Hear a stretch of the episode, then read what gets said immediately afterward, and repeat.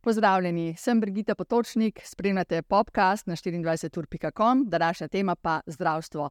Vedno znova aktualna v teh dneh, pa še posebej. Naša gostja je nekdanja ministrica za zdravje Milojka Kolar Celarc. Lepo pozdravljeni. Dober dan, želim. Povejte mi, gospa Kolar Celarc, še vedno spremljate vse, kar se dogaja z zdravstvom? Ja, Ne mislim zdaj kot uh, pacijentka oziroma kot nekdo. ne, upam, da ne, ker mi je zdravje še kar dobro služi. A, Je pa res, ne, da so mediji, sploh zadnje dni, polni tematiko o zdravstvu, o čakanju, o stavkah in tako naprej, da več ali manj je človek že prisiljen nekako, da spremlja te informacije. Pa malo je pa tudi profesionalno, eh, bi rekla, eh, interes, ker veste, štiri leta dati tako rekoč svojega življenja, ki sem ga pustila na Štefanovi, eh, je eno tako obdobje, da potem ne moreš kar mirno, brez nekega odnosa ali empatije do pacijentov to gledati. Zato sem se tudi odločila, da se danes odzovem vašemu povabilu. Vas to vse razburja, kar se dogaja zdaj v zdravstvu?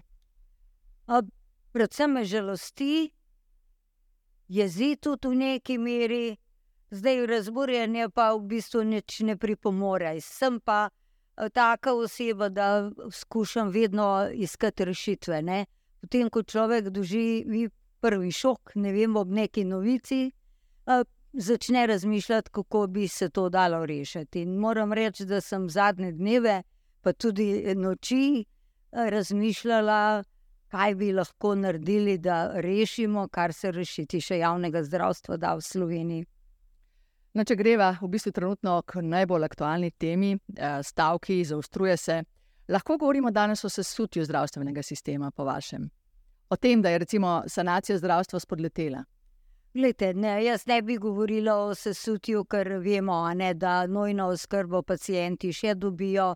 Je pa res, a ne, da je zelo na poti navzdol in da če ne bomo in ta vlada potegnila takoj nekih nujnih potrebnih ukrepov, nas pa res to zna čakati, da bomo dobili celotno sprivatizirano zdravstvo in da bo dejansko potem dostopnost se bistveno zmanjšala in bo zdravje v bistvu nekak privilegij samo tistih, ki si ga bojo lahko sfinancirali, se pravi bogatejših.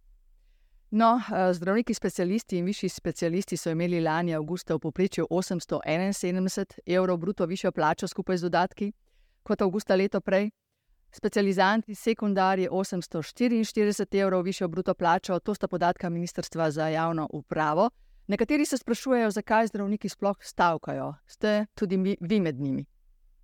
Uh, ja, se sprašujem, ampak veste, zadev je toliko neurejenih, da bi dejansko eh, nujno bilo treba narediti že ob nastopu te vlade.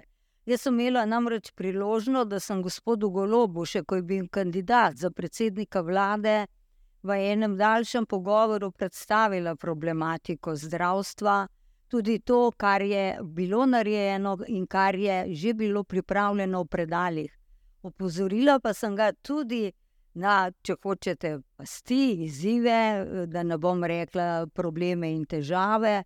In to so med drugim tudi stavke zdravnikov, oziroma stavka, ki jo pove in izvaja Fides, in pa nasplošno razmere in tudi predloge, kaj bi mu, kaj bi jaz naredila, recimo, če bi uh, lahko vsaj še dve leti imela mandata. Ne? Ker zadeve so bile zelo dobro zastavljene, tudi veliko stvari je končalo v predalih, narejenih na tri četrt ali celoti. Recimo, celoten nov sistem zdravstvenega varstva in zavarovanja s 500 členi, usklajen z vsemi, tri leta garanja, je obležal v predalu. Tako da sem rekla, da bi bilo lepo, če bi vsaj vzel nekdo to spredala, pa pogledal, je v redu, ni v redu, in danes ne bi bili tukaj, kjer smo. Mislim, da je uh, ta prvi del mandata bil tako rekoč zapravljen, če uporabim to besedo. Uh, zapravljen v smislu, da se ni nadaljevali z ukrepi, ki bi krepili javno zdravstvo, uredili sistem, omogočili zdravnikom, da bi bili nagrajevani po storilnosti, dejansko za upravljeno delo, in uh, mogoče se danes ne bi soočali s stavko. Res pa je, da ste, da ste tudi vi imeli škare in platno v rokah.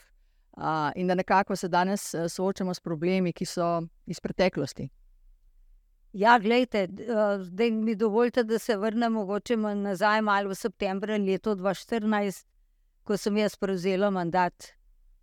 Vsi dobro veste, da je v 33 letih samostojne Slovenije bilo 22 ministrov za zdravje, kar pomeni, da je povprečje niti leto pa pol.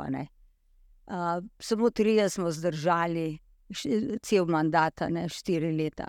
In ko sem jaz prišla na Štefano, dejansko praktično nisem imela v roke kaj prijeti. Tudi kadra ni bilo. Pa mogoče se zdi malo uh, smešno, ampak recimo tudi ne vem, tajnice ali pa nekega administrativnega delavca ni bilo, da bi lahko opravili primo predajo. No. Hočem pa s tem ne želim nič. Bi rekla, ali upravičujoče, ali karkoli, ker je v našem mandatu bilo ogromno narejeno ampak katerkoli zadevo sem prijela v roke, je potegnila za sabo še deset drugih problemov. In kaj smo se, kako sem se lotila zadeve, ker sem vedela, da iz tega kompleksnega sistema, ki ga uh, jaz bi upala reči, da ne poznajo ali vsi slovenci, uh, treba zelo subtilno uh, delati spremembe. In zaradi tega smo naredili celovito analizo. Ta analiza, ki se je delala 60 strokovnjakov, domačih in tujih, je pokazala vse slabosti, ki tudi danes vse držijo in še bolj, 200-odstotno. Ampak v analizi, kar je na moje insistiranje, so bili tudi predlogi in priporočila in najboljše prakse iz tujine, kako posamezne probleme rešiti. In mi smo že in parlament, potem na osnovi teh analiz naredili tale dokument. To je strategija, ki se imenuje Resolucija o nacionalnem planu zdravstvenega varstva. To je dolgoročen razvoj slovenskega zdravstva za obdobje 2016-2025. Ampak se upravičujem, ampak ja. zakaj potem še vedno toliko problemov? Uh, ste se soočali s kakšnimi pritiski, da niste mogli uresničiti, recimo, kakšnih svojih predlogov? To seveda, ampak dovolite mi vsem, da malo uh, nadaljujem to, zakaj uh, o tem govorim. Zaradi tega, ker je ta strategija bila ena najboljših EU, ker ni čisto običajna strategija noter, so tudi vsi ukrepi, operativni, vsi cilji, vsi indikatorji, kako spremljati, časovnica, nosilci in kdo mora zagotoviti denar. In na osnovi tega dokumenta smo mi naredili dvoletne akcijske načrte in smo potem delali. In seveda so pa zadeve en tak zakon, med drugim, kot je, ki največ opredeljuje zakon o zdravstvenem varstvu in zavarovanju, je iz gospodovega leta, da rečem 1992. Ne vem, če vemo, da je leta 1998 ustavno sodišče z ustavno odločbo reklo, da imamo v Sloveniji na neustaven način določene zdravstvene pravice. Pa očitno tega v Sloveniji nihče ne, nikogar ne moti. Jaz se sem sprašvala, ravno zdaj te dneve, ko poslušam o ustavni odločbi sodnikov, koliko daleč nazaj pa je treba spoštovati ustavne odločbe. Ne? torej mogoče iz leta 98 ni več aktualna. Zakaj to govorim? Zato, ker smo imeli vizijo, koncept, kaj in kako je treba delati. In zadeve bi bilo treba nadaljevati. Ja, so pa bili lobiji, veste. Eh, profesor Meki je rekel prav v začetku mandata na enem seminarju, da vsi, ki sedijo za tisto mizo, ima vsak svoj interes, ki je sicer legitimen, to so deležniki v zdravstvu. Minister je pa tisti, ki zagovarja pacijente. In on more dati vse take ukrepe in tako delovati, da bo na strani pacijentov. Vsi interesi so bili legitimni. Se pravi, čujem, se pravi, ja. se pravi, pritiski so bili. Se, uh, ne, z vseh uh, strani, vseh bi rekla, tistih deležnikov, ki imajo veliko kos pogače. To je denar, ne, ki se v zdravstvu obrača. Pa takrat še ni bil tako velika, ne. zdaj na zadnje gledam, recimo, sam zdravstvena blagajna, finančni načrt za naslednje leto 5,3 milijarde. Ne. Ampak ja, gledajte, od zdravnikov, vseh, če hočete, konc koncev gospodarstvenikov, ne, ki so bili tudi zelo proti, da se recimo preoblikuje dopolnilno zavarovanje. Ne. Zakaj? Ja, zato, ker se v zavarovalnice, delniške družbe, vzajemna družba plačujejo članarino in tako naprej. Glede, enkrat, in to sem jaz zagovarjala vedno, in tudi danes sem zelo prepričana. Pa predavala sem tudi že visokim predstavnikom Svetovne zdravstvene organizacije in ministrom leta 2018. Pa se mogoče zdi zelo vizionarsko in zatrdno prepričana, da bo se morala družba, posebej v Sloveniji, ker nas je samo 2 milijona vsest, za isto mizo in položiti vse karte na mizo. Kaj hočemo? Rast BDP na eni strani, nova delovna mesta, zaposlenost, večjo produktivnost, večjo dodano vrednost, na drugi strani pa storitve. COVID nam je pokazal, da nič ne pomaga, še tako velika rast BDP, če ljudje niso zdravi, če nimamo zdravstvenega sistema, ki deluje. Jaz si ne upam pomisliti, kaj bi bilo, recimo, če ne bi vsaj toliko javnega zdravstva, pa zavodov ohranjali. Če se vrnemo, če se vrnemo nazaj eh, ja. k stavki. Uh, za vas so nekoč govorili, da ste sovražnica zdravnikov številka ena, se pravi, eh, tudi vi ste bili. Uh. Uh. Uh, to sicer prvič slišim, da bi kdo to rekel. Uh, moram pa reči, da jaz sem že po naravi tak človek, da se vedno pogajam, pogovarjam samo na osnovi argumentov, dokazov, analiz, številk ampak korektno, pošteno. In tisto, kar se dogovorim, se držim. In moram vam reči, da sem uh, zelo vesela, oziroma lepo mi je uh, leglo na dušo, ko sem že po koncu mandata, eno leto, dve, dobila sporočila, tudi od članov strokovnega odbora, da se tako dobro strokovno niso še nikoli pogajali, kot so se v mojem času. Čeprav smo bili kot pogajalci, vsak na nasprotni strani. So bile pa že takrat ne, eh, podobne zahteve, kot so današnje. To, to je bila stavka 2016, 2017, polk se je podpisal tudi sporazum, pa aneksa.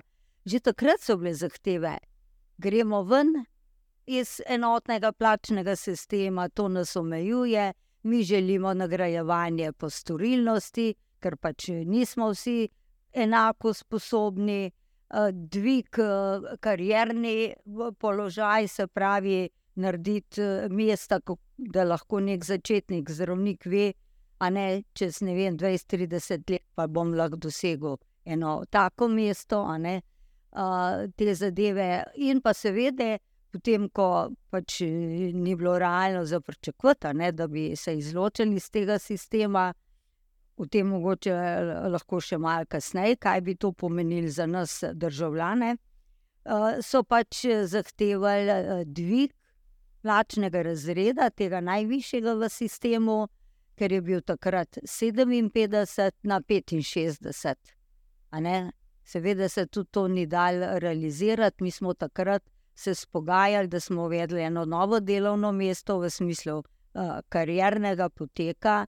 To je bil višji specialist, ampak je bil na, z vsemi dodatki napredovan na 57. plačnem razredu.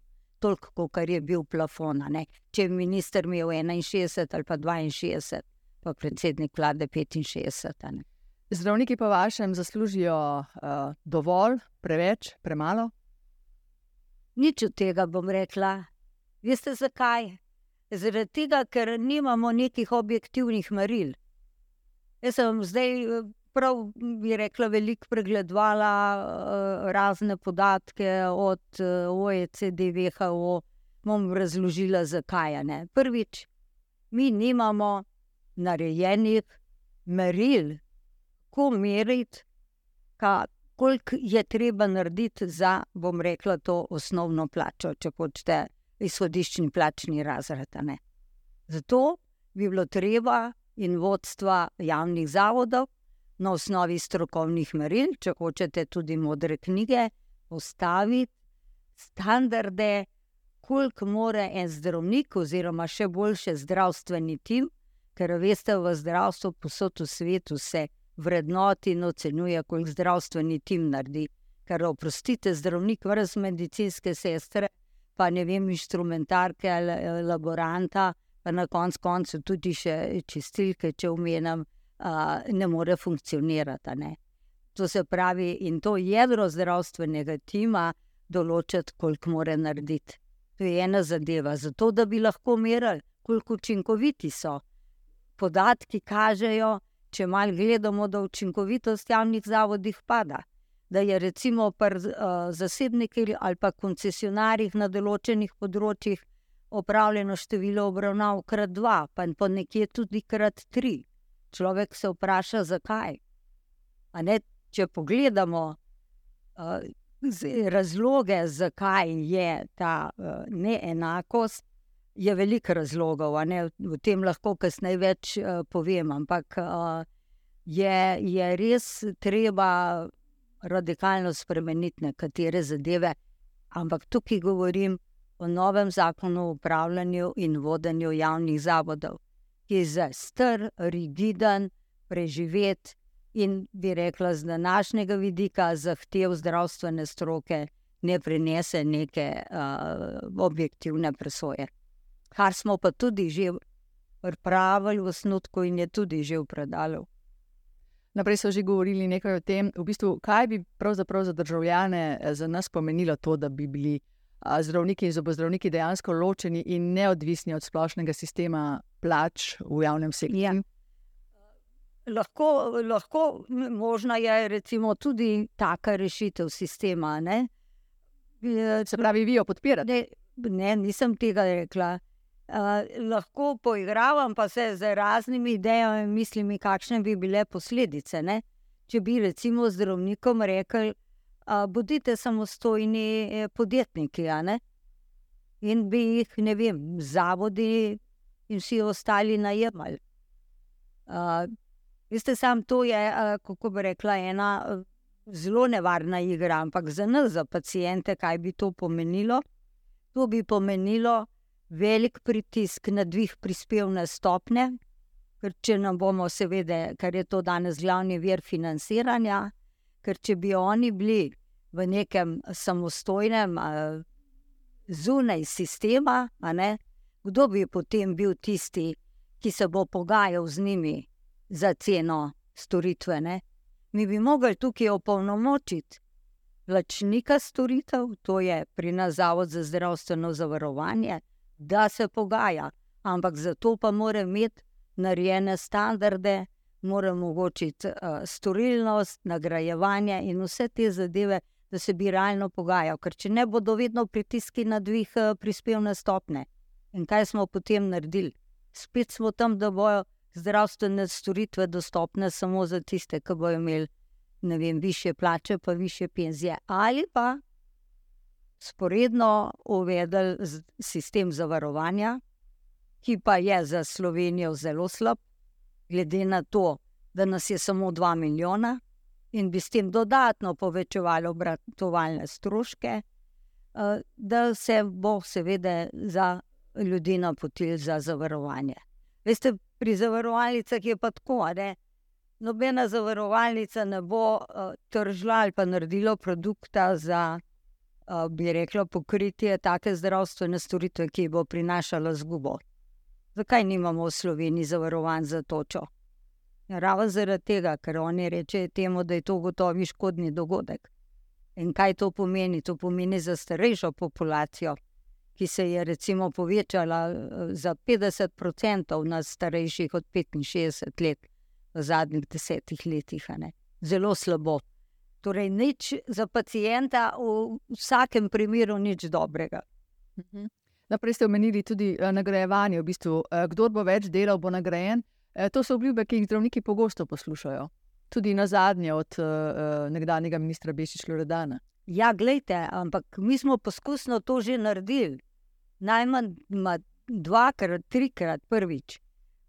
To je bil tudi rezultat pogajanj o stavkovnih zahtevah leta 2016-2017 smo šli v več projektov. Najbolj tak večji projekt je bil poseben vladni projekt, ki se je imenoval za skrajšanje čakalnih dob, povečanje kakovosti.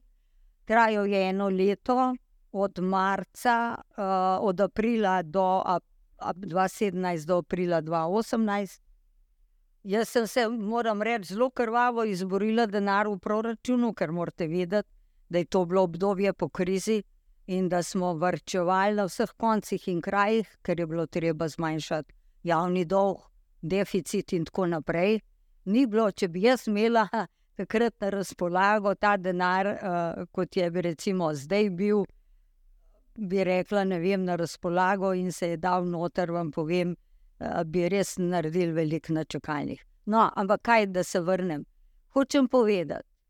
In tudi delovne skupine so naredile posebna merila, kriterije za osnovno zdravstvo in za bolnišnično in eh, terciarno dejavnost.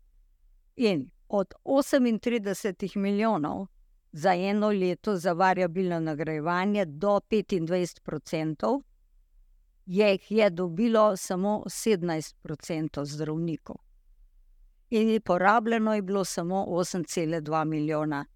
To vam veliko pove od 38. S tem, da je bilo. Kaj, kaj to pomeni?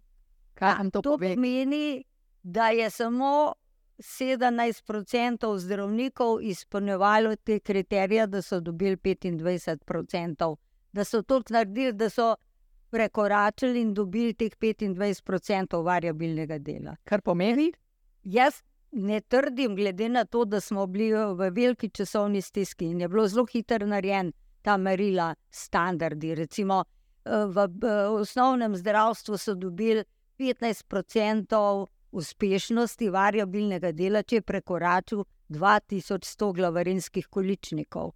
Ampak mi smo zahtevali zraven še, da naredi tudi dve ure ambulante za pacijente na teden več da opravi toliko hišnih obiskov, toliko skrb ran, da uh, uporablja e-konzultacijo z bolnišničnimi specialisti in tako naprej. To je bila cela lestvica narejena in je dobil 15% variabile, če je prekoračil 2100 glavarine, in 10%, če je prekoračil te storitve nad nekim določenim odstotkom povprečnih storitev v Sloveniji. In celo v analizi, ki je poročilo, ki ga je potem vlada februarja, mislim, 2019 sprejela, je napisano lepo v zaključku, da kljub vsem pomankljivostim, ki bi se jih dal dode, pa to, da smo mogli seveda ročno zbirati, pa spremljati. Zaradi tega so se tudi nekateri zdravniki odpovedali. Ker so rekli, ne, mi pa ne bomo gledali, koliko kdo dela. Veste, tudi to je bilo je rečeno, bilo, da je bilo prvič v zgodovini Slovenije, samostojne v zdravstvu, narejen poskus objektivnega meril, obremenitve dela in učinkovitosti v zdravstvu in zdravnikov in timov. Ker jaz sem vedno zagovarjala in bom, da mora tim biti nagrajen. Torej, Ampak zdravniki že nihče ni pa nadaljeval tega programa, da bi ga izboljšal. Potem smo poskušali za sanacijo bolnišnic. Veste, da smo dali 136 milijonov za sanacijo, ker je pač kriza povzročila, da niso bile vse storitve plačane in so bolnice imele zgube, neporavnane obveznosti, grozila je nedobava zdravil in tako naprej in sem spet mokoma spraskala, pa bi rekla, uh, s financem dobila teh uh, slabih 140 milijonov. Celi sanacijski programi so bili narejeni. Pri meni je bil, bil, bil oblikovan sanacijski odbor, ki je bil sestavljen tudi iz gospodarstvenikov, pa profesorjev, drugih strokovnjakov. Naredili so po 50 strani navodil tabel, kako poročati, kako sanacijski program narediti, kako spremljati programe in te zadeve. In poročila so bila delana, tri, štiri bolnice so splavale iz izgub takrat in so še danes pozitivne. Jih lahko kar omenjam, novo mesto, izola, jesenice, pa še kera. Ampak potem je nekdo prišel in rekel, malo ne, to ni potreba, ne bomo to nadaljevali, in se je zadeva zaključila.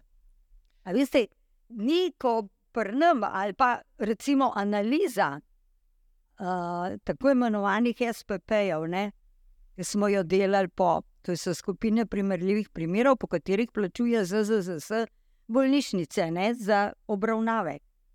Smo delali v desetih bolnišnicah to, nekaj pravijo. Ja, vse je podcenjeno, ne, ker imamo pač neke modele za Avstralijo iz leta 2002, ne, niso bili ažurirani, čez pa teče naprej.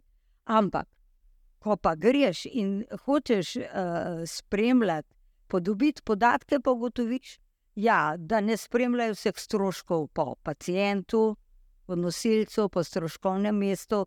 Ker če ti hočeš dejansko stroške ugotoviti, ne moraš imeti evidentirane podatke. Ne. In če pa že to nekako dobiš, ne? in potem ugotoviš, kaj je precenjeno, ker storitve so podcenjene. Ja, ja, potem pa to ne bi v, prakso izvedli. E, to je tisto, pa ne vem, mogoče je to v naravi nas vseh. Ja, spremembe, ja, vsi smo deklarativno za, ampak potem, ko pa bi mogel vsak mečken e, odstopiti, ne vem, ali od ustaljene prakse, ali od svojih bonitet, ali malo uh, umakniti se, ne se kompromis je možen, sa, ne, takrat pa ne, ne. Ampak kdo je zdaj tisti, ki se umika? Če bi šel kdo brati to strategijo našo ali pa tale sporazum, ki tudi piše, kdo more narediti, delodajalec more z namenom določitve obremenitve zdravnikov, kadrovskega načrtovanja, nagrajevanja, sprejme normative dela zdravnikov torej kdo pa je delodajalec v javnih zavodih, država oziroma vodstvo. Veste, in to smo v nekem začaranem krogu, kjer se bi rekla, uh, zahteve ene, druge vrtijo. In ko prideš do neke skupine, ne, uh, recimo tudi zdaj, jaz sem tudi pri pogajanjih takrat vedela, da imamo naši zdravniki enormno dolge dopuste. In se šlo zdaj malo gledati, kakšna je skupna odsotnost, absentizem po naših uh, zavodih. Ne boste verjeli, kar šokirana sem bila. Spomnim se sicer, da že leta nazaj, časa tiste afere operacijskih miš, že UKC, bilo vsak dan 25% zaposlenih odsotnih. A mislite, da je danes situacija kaj drugačna? V UKC jih je raven tako 25% odsotnih. Ampak ni glaven problem s bolniških. Tisti odstotek ni tako visok, če se prav spomnim, je tam ne vem, 6-7.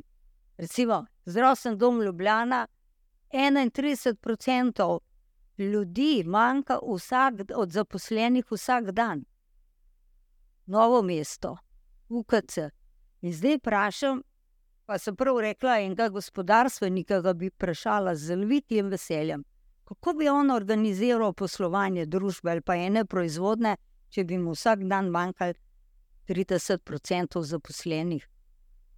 A veste, ker če imaš ti 65 dni dopusta, delovnih dni, a pa ti, tudi teh ljudi ni po tri mesece. A me razumete, pa je pa še za izobraževanje, pa posebne pogoje dela, pa recimo ne vem, za ionizirajoče sevanja, ki jih ni v modernih aparaturah ali pa so zelo mehna, pa zaradi tega imajo beneficiran staž, pa sedem ur delajo za osem ur, uh, pa še 19 dni dopusta. To sem se jaz vse ukvarjala že takrat, 2016, ampak lejte, ni bilo možnosti, da bi to. Zaradi tega, ko primerjamo plače, je treba dati vse karte na mizo, realne. Torej, od absentizma do učinkovitosti. Zakaj pa ne pove, koliko recimo, ne vem, en zdravnik v Nemčiji naredi v določenih urah, če že hočemo primerjati plače z nemškimi ali pa avstrijskimi zdravniki. Če pozabimo vse, da jih uh, izobražujemo na davkoplačevalski denar in tako naprej. Na podatek glede dopusta iz lanskega leta. Uh, Povprečni zaposleni v UKC Ljubljana je imel 37 dni dopusta, več kot 260 zaposlenih v zdravstvu po državi ima odmerjen dopust daljši od 55 dni.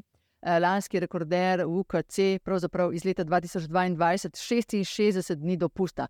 Uh, vi ste želeli potem skrajšati te dopuste? Ja, jaz sem pač, ker sem vedno ciljno usmerjen človek. Uh, je bilo pač moje mnenje ali pa stališče, ja, če bomo že dali, ne vem, kakšen plačni razred, boste vi kaj dali za pacijente. Pa se poslušate zdaj po medijih.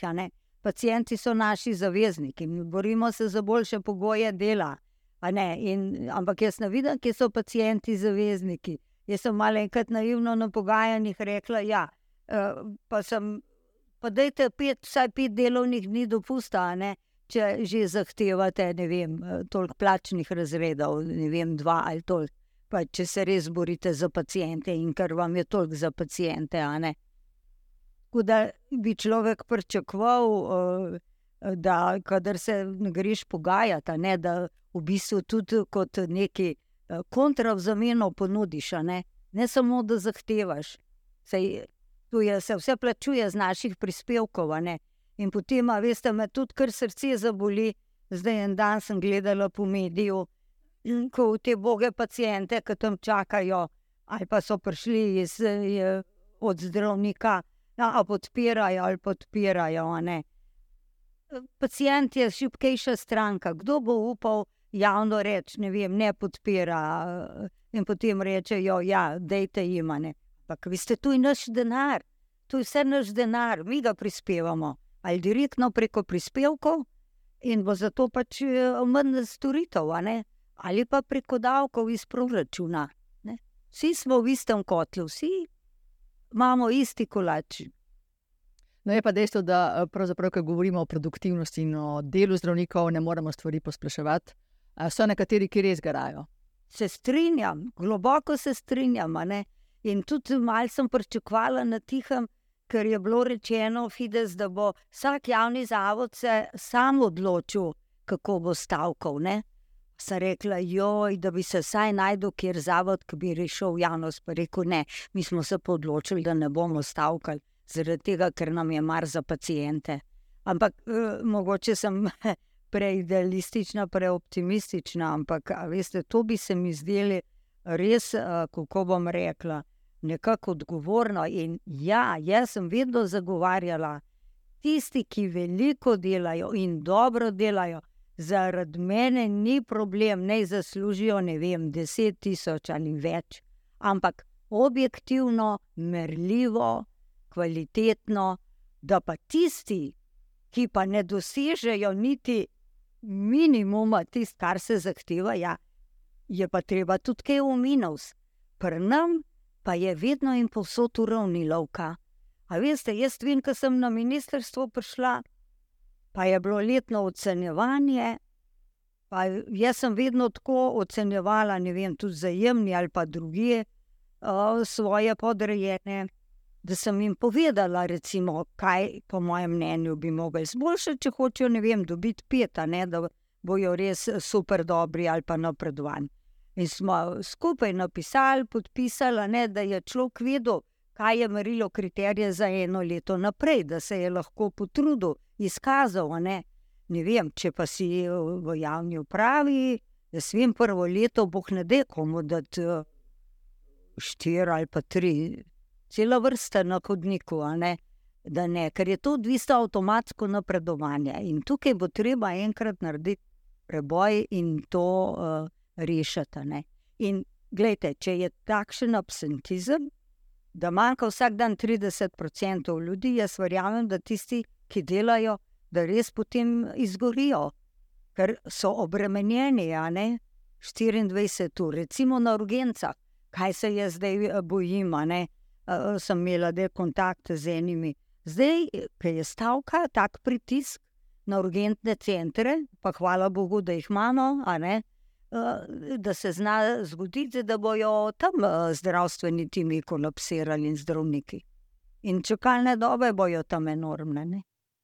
No, ta stavka zdajšnja zagotovo ne prispeva k reševanju eh, tega problema, čakalne eh, vrste. Skratka, približno 200 milijonov evrov je šlo eh, v zdravstvo v času zdajšnje vlade, ampak čakalne vrste se v tem času niso skrajšale. Ne, močno so se podaljšale. In veste, kaj me najbolj skrbi? Podaljšale so se raven na tistih področjih, ki so najbolj pomembna za zdravje, To so uh, srčni pregledi, kar, kardiološki pregledi, koronografije. Uh, ker, gledajte, tam uh, veva, ne, če srce odpove, oziroma če se prav čas ne ugotovi, uh, da lahko nastopi tudi škodljive posledice, da narečem najhujši izid. Kam je šel potem ta denar? Ja, gledajte, to, ta denar uh, je šel ne ciljano, prvič. Če se vrnem malo nazaj, kako smo se mi lotili teh čakalnih dob, ki so kar prinesle uspeh, pa nismo imeli 200 milijonov, veste, mi smo praskali za 80 milijonov, 15 je bilo že zelo velik in smo dosegli rezultate na tistih, ampak kaj, kako se je treba te zadeve lotiti? Seveda, mi smo najprej skoraj da ročno preverjali in naročali izvajalcem, da so prave čakalne dobe. Ena moja državna sekretarka, vam povem, je delala dneve in noči, da je pregledovala te čakalne sezname in da je skupaj z stroko določila, katere so tiste čakalne vrste, ki so najbolj pomembne za zdravje in kjer se prekomerno čaka.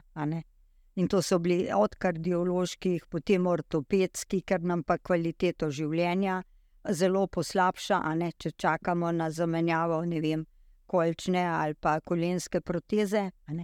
Ciljano je treba, bi bilo treba to narediti prvič, preveriti, bi rekla, katere so te čakalne dobe, glede na zdravstveni status vpliva na posameznika, ki čaka tam vrsti.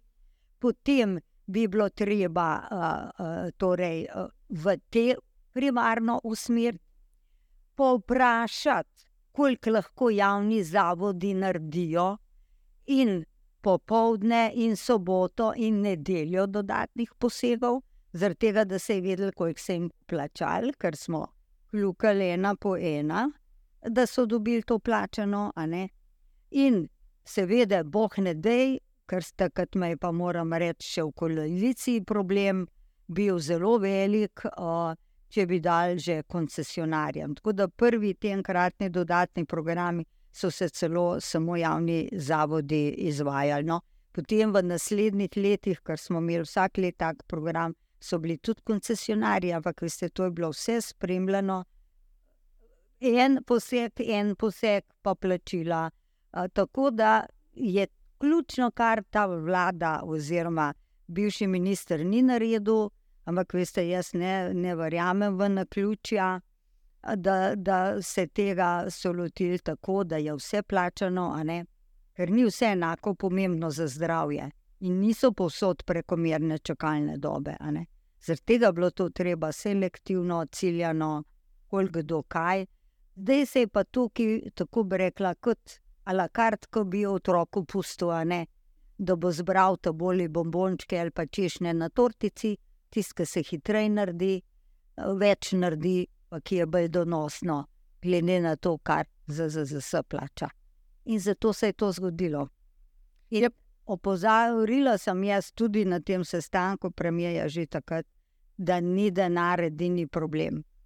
Ni denara, ker se je veliko govorilo, ja, 500 milijonov rabimo, da pa bomo zdravstvo rešili. Ne? Ne. Ja, denar, ampak sporedno druge stvari za to, da veš, zakaj daš denar in kaj za ta denar so pacijente dobiš nazaj. Se pravi, konkretno? Konkretno, zelo ena po ena, in čakalne dobe, mislim, se zname glede tega. In mi smo tudi naprej pridobili podatke od vseh izvajalcev, koliko posegov bojo lahko naredili s katerimi timi, in tako naprej. In dejstvo je pa bilo, naslednjo, ker delali smo pa te programe 2015, 2016, 2017, celo 2, vsako, vsako leto. Ne. Ampak tudi na vas so takrat leteli očitki, da Ja. nekako niste bili uspešni. Ja, lejte, ne bo držalo. Po, sem prav šla gledati zdaj poročilo o čakalnih dobah, ki smo ga pripravili za celotno mandatno obdobje. Treba dve, tri zadeve povedati. Prva zadeva je, ker sem prišla, čakalnih seznamov sploh, ko rekoč, ni bilo v taki obliki. Več kot 17 do 20 odstotkov izvajalcev sploh ni poročalo podatkov. To je ena zadeva. Tako stanje sem prevzela. Potem naslednja zadeva je bila. Veste, kol- koliko je bilo težav, pa muke, pa nasprotovanj, ki smo uvajali recepta. Ne? Danes si noben več ne predstavlja, kaj bi bilo, če ga ne bi imela. Ne? Potem ena potnica, ena potovanje. Mi, ki smo uvedli na nacionalnem nivoju, je na potnico in na potovanje, to je bilo 2017, mislim, da je aprila začel zaživel, je naenkrat preleteli s predalov 50 tisoč napotnic, ki so šle v čakalne sezname. Seveda so se čakalni seznami drastično povečali. In takrat je bila klima, veste, takrat so vsi novinari, pa tudi koalicija, bi rekla, mene, eh, vsak dan je bila neka zgodba s tem čakalnim. Nihče ni hotel pa realno stanje pogledati, da prej praktično sploh nismo imeli evidenc, pravih. Kaj pa takratni predsednik vlade, Miro Cerar, vas je podpiral kot ministrico? Ja, je podpiral, seveda se je tudi uh, večkrat šel eh, z mano na tiskovno uh, konferenco, ampak veste, kompleksne zadeve so. a Ne? In mnogim je bilo, bi rekla, tudi znotraj koalicije, ne? ker nekateri pa so nagajali. Veste, tudi v koaliciji ni bilo, bi rekla, tako enoznačno, da so vsi res za javno zdravstvo. Ampak za tisto pravo javno zdravstvo, veste, ker javno zdravstvo a ne, je v bistvu spadajo tudi koncesionarji, zasebniki koncesionarji, ki delajo v javni mreži.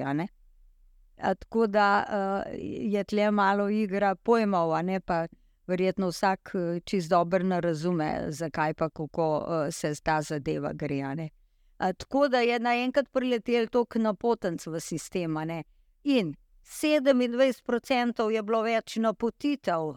Veste, mi, kar seveda ni v, v praksi uh, uh, priljubljeno reči, ne, ampak mi imamo v enem delu tudi hipernapotitve.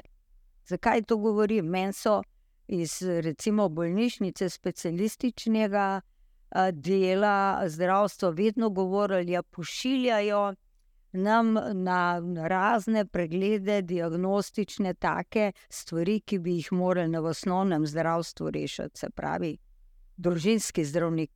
Zato smo e-konsultacijo uvedli, ne? da je lahko preko e-zdravja slikovni material vprašal specialista, da recimo za take primere ni bilo treba na potenc pisati, a ne? in da je rešil zadeve. Torej, veliko je bilo, lete danes, kakšne so danes čakalne dobe. Jaz meni pride včasih kdo pa pove, vem toliko primerov iz prakse, vam povem, da mi je tako hudo, me srce boli, ampak danes nihče posebej bi rekla ne razglablja, kako so dolge čakalne dobe. In to na področjih, recimo, za pregled srca, koronarografijo, če imaš za žile, a ne, srčne uh, stisnjene, pa zamaščene. Pa jaz vam povem, se ne prideš pred pol leta uh, na, na pregled. Razen mogoče, ne vem, če plačeš, prideš v dveh, treh mesecih. Lahko te Se pa pravi, se pravi več ne. denarja za točno določene preglede. Tako je, tako je, in spremljanje, in analiziranje, in pa predtem prečiščenje seznamov. Ker veste, če ti daješ dodatni denar za te sezname, seveda se vsak obnaša, potem seveda se da tudi, kako bi rekla, malo prepotencirati, pa te sezname, bi rekla, povečvati. Zaradi tega je tudi mogoče v enem delu, ki je uh, uh, hiperno potovanje. Ne?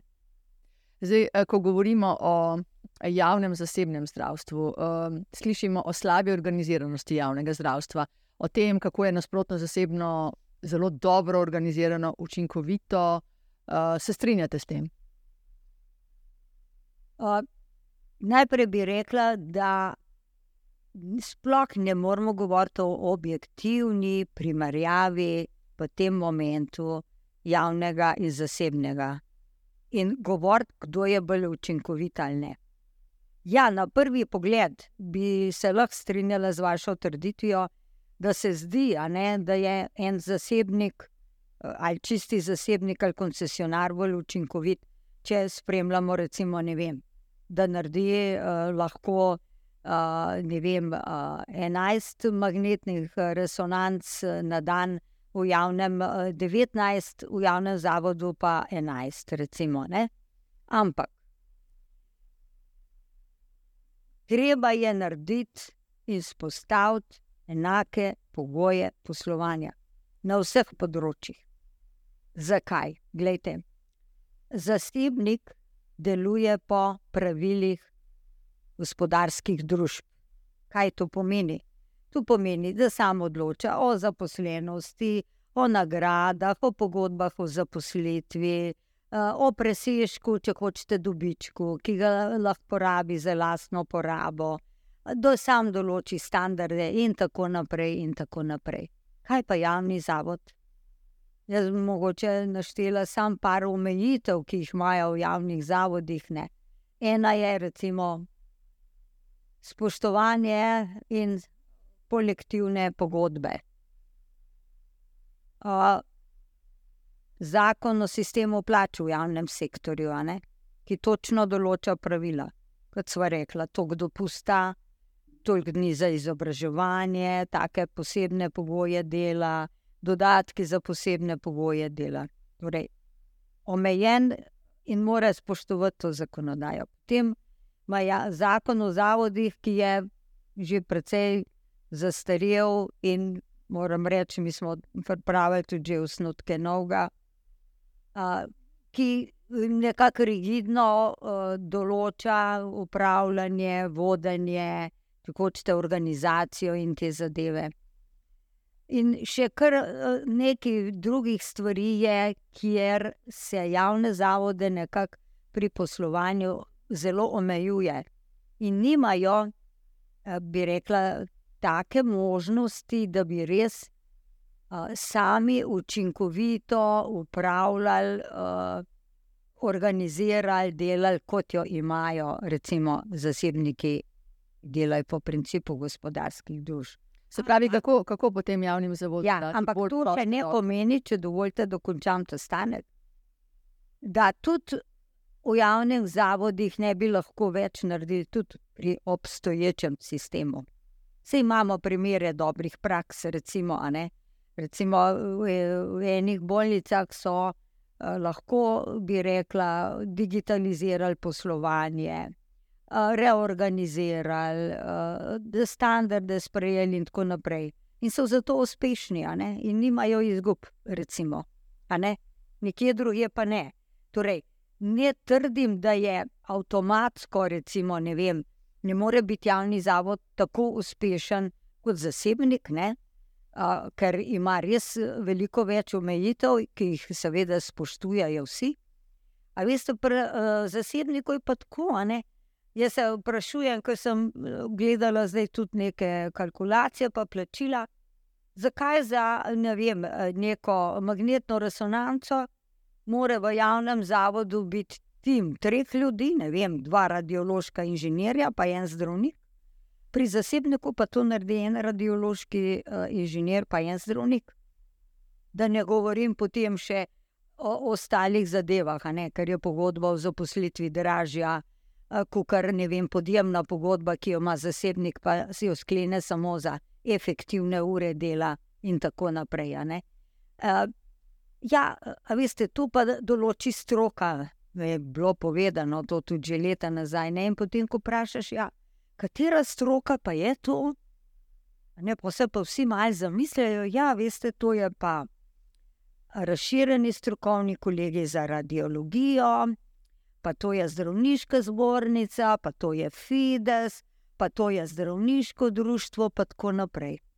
Torej, standarde morajo določiti vodstva javnih zavodov, seveda s pomočjo stroko, stroke, strokovnih normativov in prilagoditi poslovanje, ga nadzirati in nagrajevati. To je. Ja, zaradi tega ne sprejmem avtomatsko definicije in to, kar nekatere stranke prodajajo v javnosti in govorijo, kako dajmo sprivatizirati, pa več zavarovalnic, pa koncesionarji, pa zasebniki, ja, ki so bolj uspešni, več naredijo, ne sprejemam avtomatsko. Torej, ali ne vejo, kako poslujajo eni in drugi, ali pa ne vem, ne bom trdila, ampak lahko nekdo tudi zavestno zavaja. Ne? In kaj ste, vi ste preračunavali to, v bistvu, do kakšnih podatkov, zaključkov ste? Ja, prav zanimivi podatki so. No, gledajte, so neke. Na konkretnem primeru. No, recimo, magnetna resonanca, neke cervikalne hrbtenice, prihaja do razlik, tako v sestavi tima. V javnem zavodu je za ta pregled potreben, ne vem, dva radiološka inženirja, pa en zdravnik, pa 0,5 administrativno-tehničnega kadra, koncesionar, pa to očitno lahko naredi z enim zdravnikom in enim radiološkim inženirjem. In tako lahko koncesionar naredi v 20 minutah, javni zavod pa v 35 minutah eno preiskavo, in seveda potem pomeni, da to na dan razlike 8 preiskav v korist zasebnika. Ne? On naredi 19 preiskav in dobi 19 plačanih javni zavod pa 11, pa dobi 11 plačanih.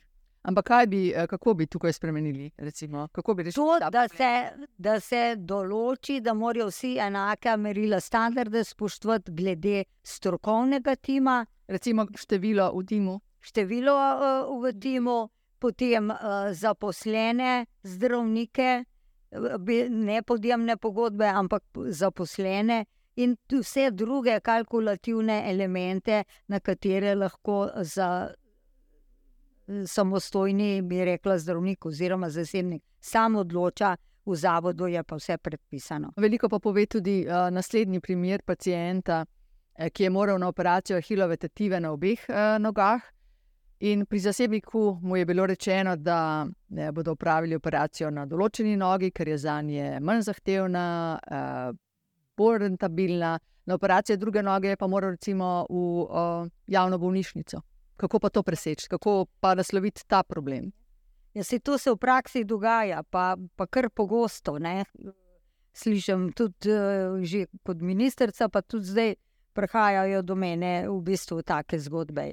Ja, to je treba, kot sem rekla, uh, prevetriti in na novo preračunati tako imenovane skupine primerljivih primerov, po katerih plačujejo obravnave Zavod za zdravstveno zavarovanje bolnišnicam. Ker so zastareli, ne odražajo dejanskih stroškov. Vendar, če hočeš potem to narediti, moraš imeti prav standard, normativ za določen poseg ker se, veste, medicinska stroka zelo dobro ve, kaj je težji poseg, težji problem, kar je lažji, in tako naprej. Dokler tega ne bomo imeli in da bomo potem plačali dejansko opravljene storitve po takem stroškovniku, potem se bo to vedno dogajalo. In še ena zadeva je, kar pa meni zdaj zadnje dni kot neka ideja prihaja na plano, če hočemo ohraniti javno zdravstvo. Da potem, ko je ustavno sodišče januarja 2019 razveljavilo tisti del določbe zakona o zdravstveni dejavnosti, smo ga mi, seveda, zavestno upeljali, da se presežki hočete, dobički pri zasebnikih, koncesionarjih, ki dobijo plačilo iz javnega denarja, vračajo nazaj v razvoj zdravstvene dejavnosti. Ta torej, ustavno pobudo je dalo Slovensko združenje zdravnikov, zasebnih zdravnikov in zobozdravnikov. In ustavno sodišče je razveljalo ta del določbe, ki govori, da bi tudi te koncesionari, ta naš javni denar, naše prispevke, morali vrniti tudi pri sebi v razvoj zdravstvene dejavnosti. Ne vem, kupiti novo aparaturo, uh, prostore ali karkoli. Razveljavijo pač rekoč, da je to prevelik poseg v svobodno gospodarsko podobo.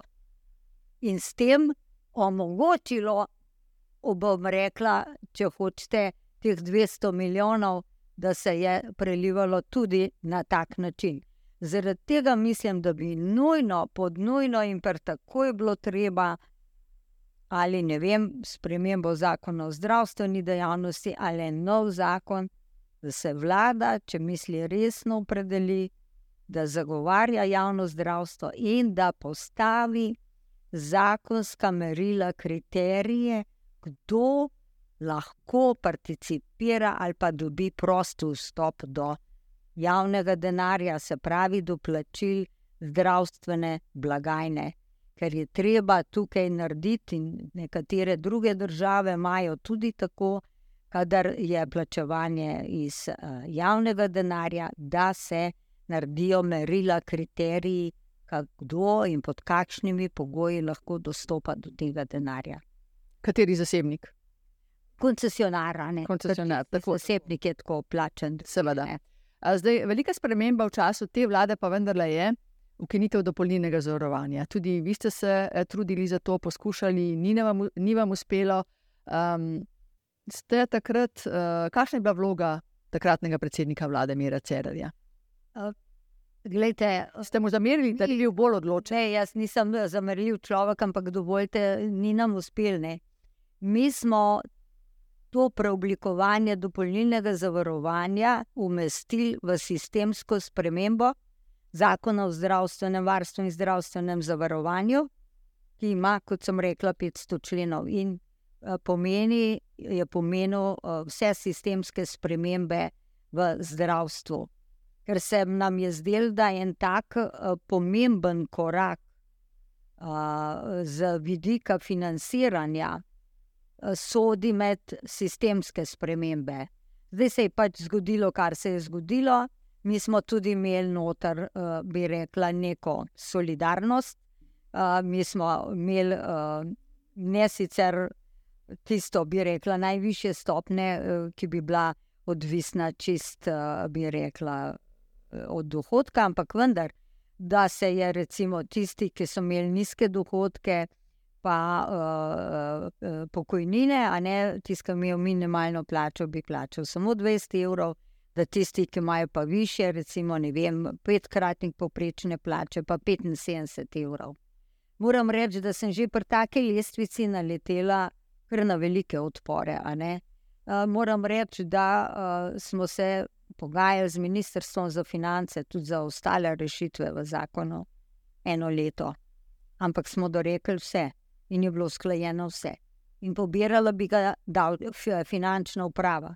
Ne bi bilo treba uh, temle uh, zavodu za zdravstveno zavarovanje zdaj uh, ne vem, oblikovati, da bo vem, en del pobirali sami, pa izterjavo delali. Uh, in stroški so bili dorečeni. Torej, ta zadeva je bila v paketu kot sistemska sprememba ker so bile tudi druge spremembe v strukturi financiranja zdravstva. Zdaj vam pride, je že. Tako me je držal, da so mi že solze tekle in nisem mogla je to gledati. Je pa res, veste, da so bili uh, torej pritiski, ne, da vse vemo, da je to kruh. Uh, Je pač ena zavarovalnica, to je vzajemna, ne, ki ima praktično 95% uh, te vrste zavarovanja. Uh, imela uh, torej, velik upor in tako naprej z tega vidika. Ne? Ampak, veste, mi smo tudi delali v paketu z dolgotrajno oskrbo, ne? mi bi zadeve drugače rešvali. Mi smo tudi, glede posameznih finančnih obremenitev, delali v paketu zaradi tega, da smo točno opredelili, kaj delamo s tem spremembam na zdravstvu, kaj na dolgotrajni oskrbi, kako bo obre, prebivalstvo obremenjeno po starem, novem, kako gospodarstvo, kako proračun in vse blagajne. Mi smo delali analize za pet let in projekcije, kaj bo z državnim proračunom, z blagajno zdravstva, pokojninsko blagajno lokalne skupnosti. To je bil cel paket, ki se je delal, kako bi rekla, z roko v roki, in sem še danes prepričana, da je bil zelo dober in je še zdaj dober, sam neke finančne zadeve bi bilo treba uh, updated, pa korigirati. Ne. Ampak takrat v bistvu ni bil sprejet. Ja, ne, ni bil, ni prišel. Tisti teden, ki bi mogel iti na vlado, je predsednik vlade odstopil. V tem, je, v tem je zgodba in meni je. Vse, kar mi je pa žal, ker ni veliko ljudi vedel, razen recimo tudi sindikati, ki smo se z njimi pogajali. Vam povem, ne vem, pol leta, po pet ur za vsako člen smo imeli PowerPoint predstavitev, pa finančne efekte, kaj pomeni. Da ga nismo tako dal, vsaj na našo spletno stran, pa objavili vse zakonske predloge, vključno že z tudi novo dolgotrajno oskrbo. No, je pa zanimivo, da, da ste se v bistvu takrat uh, borili, če tako rečem, za ukinitev dopolnilnega zdravstvenega zavarovanja, glede na to, da ste bili prej predsednica uprave vzajemne. Kako to, da ste potem spremenili, neko ste delali za vzajemno? Um, ne, ne, nisem spremenila, še vedno enako razmišljam. A veste zakaj? Zaradi tega, ker ta naša vzajemna ni prava vzajemna družba, kot jo pozna Evropa. In moj, in zakaj sem jaz tudi mogla iz vzajemne jeti? Zakaj? Zaradi tega, ker vzajemne družbe ne smejo imeti dobičkov. In jaz sem to trdno zagovarjala, ker sem bila tam predsednica uprave, pa zagovarjam to danes, ali pa sem zagovarjala, ker sem bila ministrica. Takrat se boste spomnili, kaj je bil ZOJF, pa ukrepi, pa je bil prenos, mislim, da pet odstotnega deleža plačevanja za zdravstvene storitve na zavarovalnice, ne, ki smo v bistvu rešvali proračuna, ne, je, bilo treba dvigati premijo. Aktuarska stroka pač izračuna in pove, koliko je to premijo treba dvigati. Ne. In takrat je, so bili izračuni, ki nam jih je posredoval ZZS, previsoki. Ko sem jaz novembra ugotovila vzajemni predsednica, da imamo, vam rekla, ekstremno velike dobičke, sem šla na agencijo za zavarovalni nadzor in sem rekla, zato obstaja dokumentacija, kako zdaj mi, našim zavarovancem, kar je to članstvo, v bistvu lastnik te vzajemne družbe, more participirati na dobrem in na slabem. To se pravi, ali da jim oprostimo plačila premije za en mesec, ali jim damo neke bonuse, ali kakorkoli. Torej, dobička vzajemna zavarovalnica ne sme in ne more imeti. To je pravilo in to sem zagovarjala takrat in to zagovarjam danes. Celo poigravam se z mislijo zdaj ob teh eh, hitrih spremembah, kar mislim, da ni bilo dobro, pa kar ker ni solidarnosti, ne? za vse je 35 evrov. To se mi ne zdi, ne vem, pošteno, pa fera, veste. Nekdo, ki ima, ne vem, 10 tisoč evrov plače, v 35 evrov plačal, ne? pa eden, ki ima, ne vem, minimalno plačo. To, to nekako, glede na to, da smo 2 milijona, mora neka solidarnost biti. Ne? Uh, in seveda to ni bilo takratnemu nadzornemu svetu všeč da jaz eh, grem naslednji dan v javnost in povem, ne, da bomo vem, vrnili premijo ali pa da imajo vem, en mesec za stojno premijo ali karkoli, ker so bili taki rezultati. In sem seveda v bistvu mogla v 20 minutah je tam, ampak gledajte, to je pač zadeva bila taka. In še danes tako mislim. In mogoče, če bi bila država, ne vem, pametna, bi pa mogoče imeli eno državno ali z zavarovalnico, ki bi delovala, po, ampak res po principih vzajemne duš. Ne? ne pa tako, kot se je pri nami izrodil, ki so obnašali kot delniška družba. No, ko smo se pogovarjali, ste mi povedali, da v bistvu razmišljate o tem, da bi napisali knjigo, da vas marsikaj teži, da vam marsikaj leži na duši, kaj recimo s kakšnimi konkretnimi imeni. Uh, ja, res je, veste. Spravljene imam še vse papirje, ne? in bi zelo rada, bi pa mogoče malo tudi zaradi sebe, da si uh, včasih malo, bi rekla, sprostiš ali pa uh, te svoje razmišljanja, pa ideje vržeš na papir. Uh, napisala le z naslovom, kako je biti ministr za zdravje v Sloveniji. Uh, bilo bi, sem prepričana, zelo zanimivo branje ne veste, z imeni ne bi, tega, ker jaz. Um, ne vem, vse si zapomniš, bi rekla, določene ljudi, ki so ti, bi rekla, tako ali drugače, nagajali ali pa kakšne neresnice govorili. Ampak gledajte, če ima človek cilj in je usmerjen in ve, da dela nekaj dobrega za ljudi, in vsak dan se zdaj kaže, da smo ta naš tim, ta moja ekipa, ki je bila z mano na ministrstvu. In sem jim res eh, hvaležna, in eh, še danes me marsikdo pokliče in se zahvalim, uh, ker smo delali tako, z roko v roki, veste, po 12-16 ur. To nikoli ni bil problem. Tudi v Bruslu, pa v Evropi so dobro poznali nas, da smo zelo aktivni.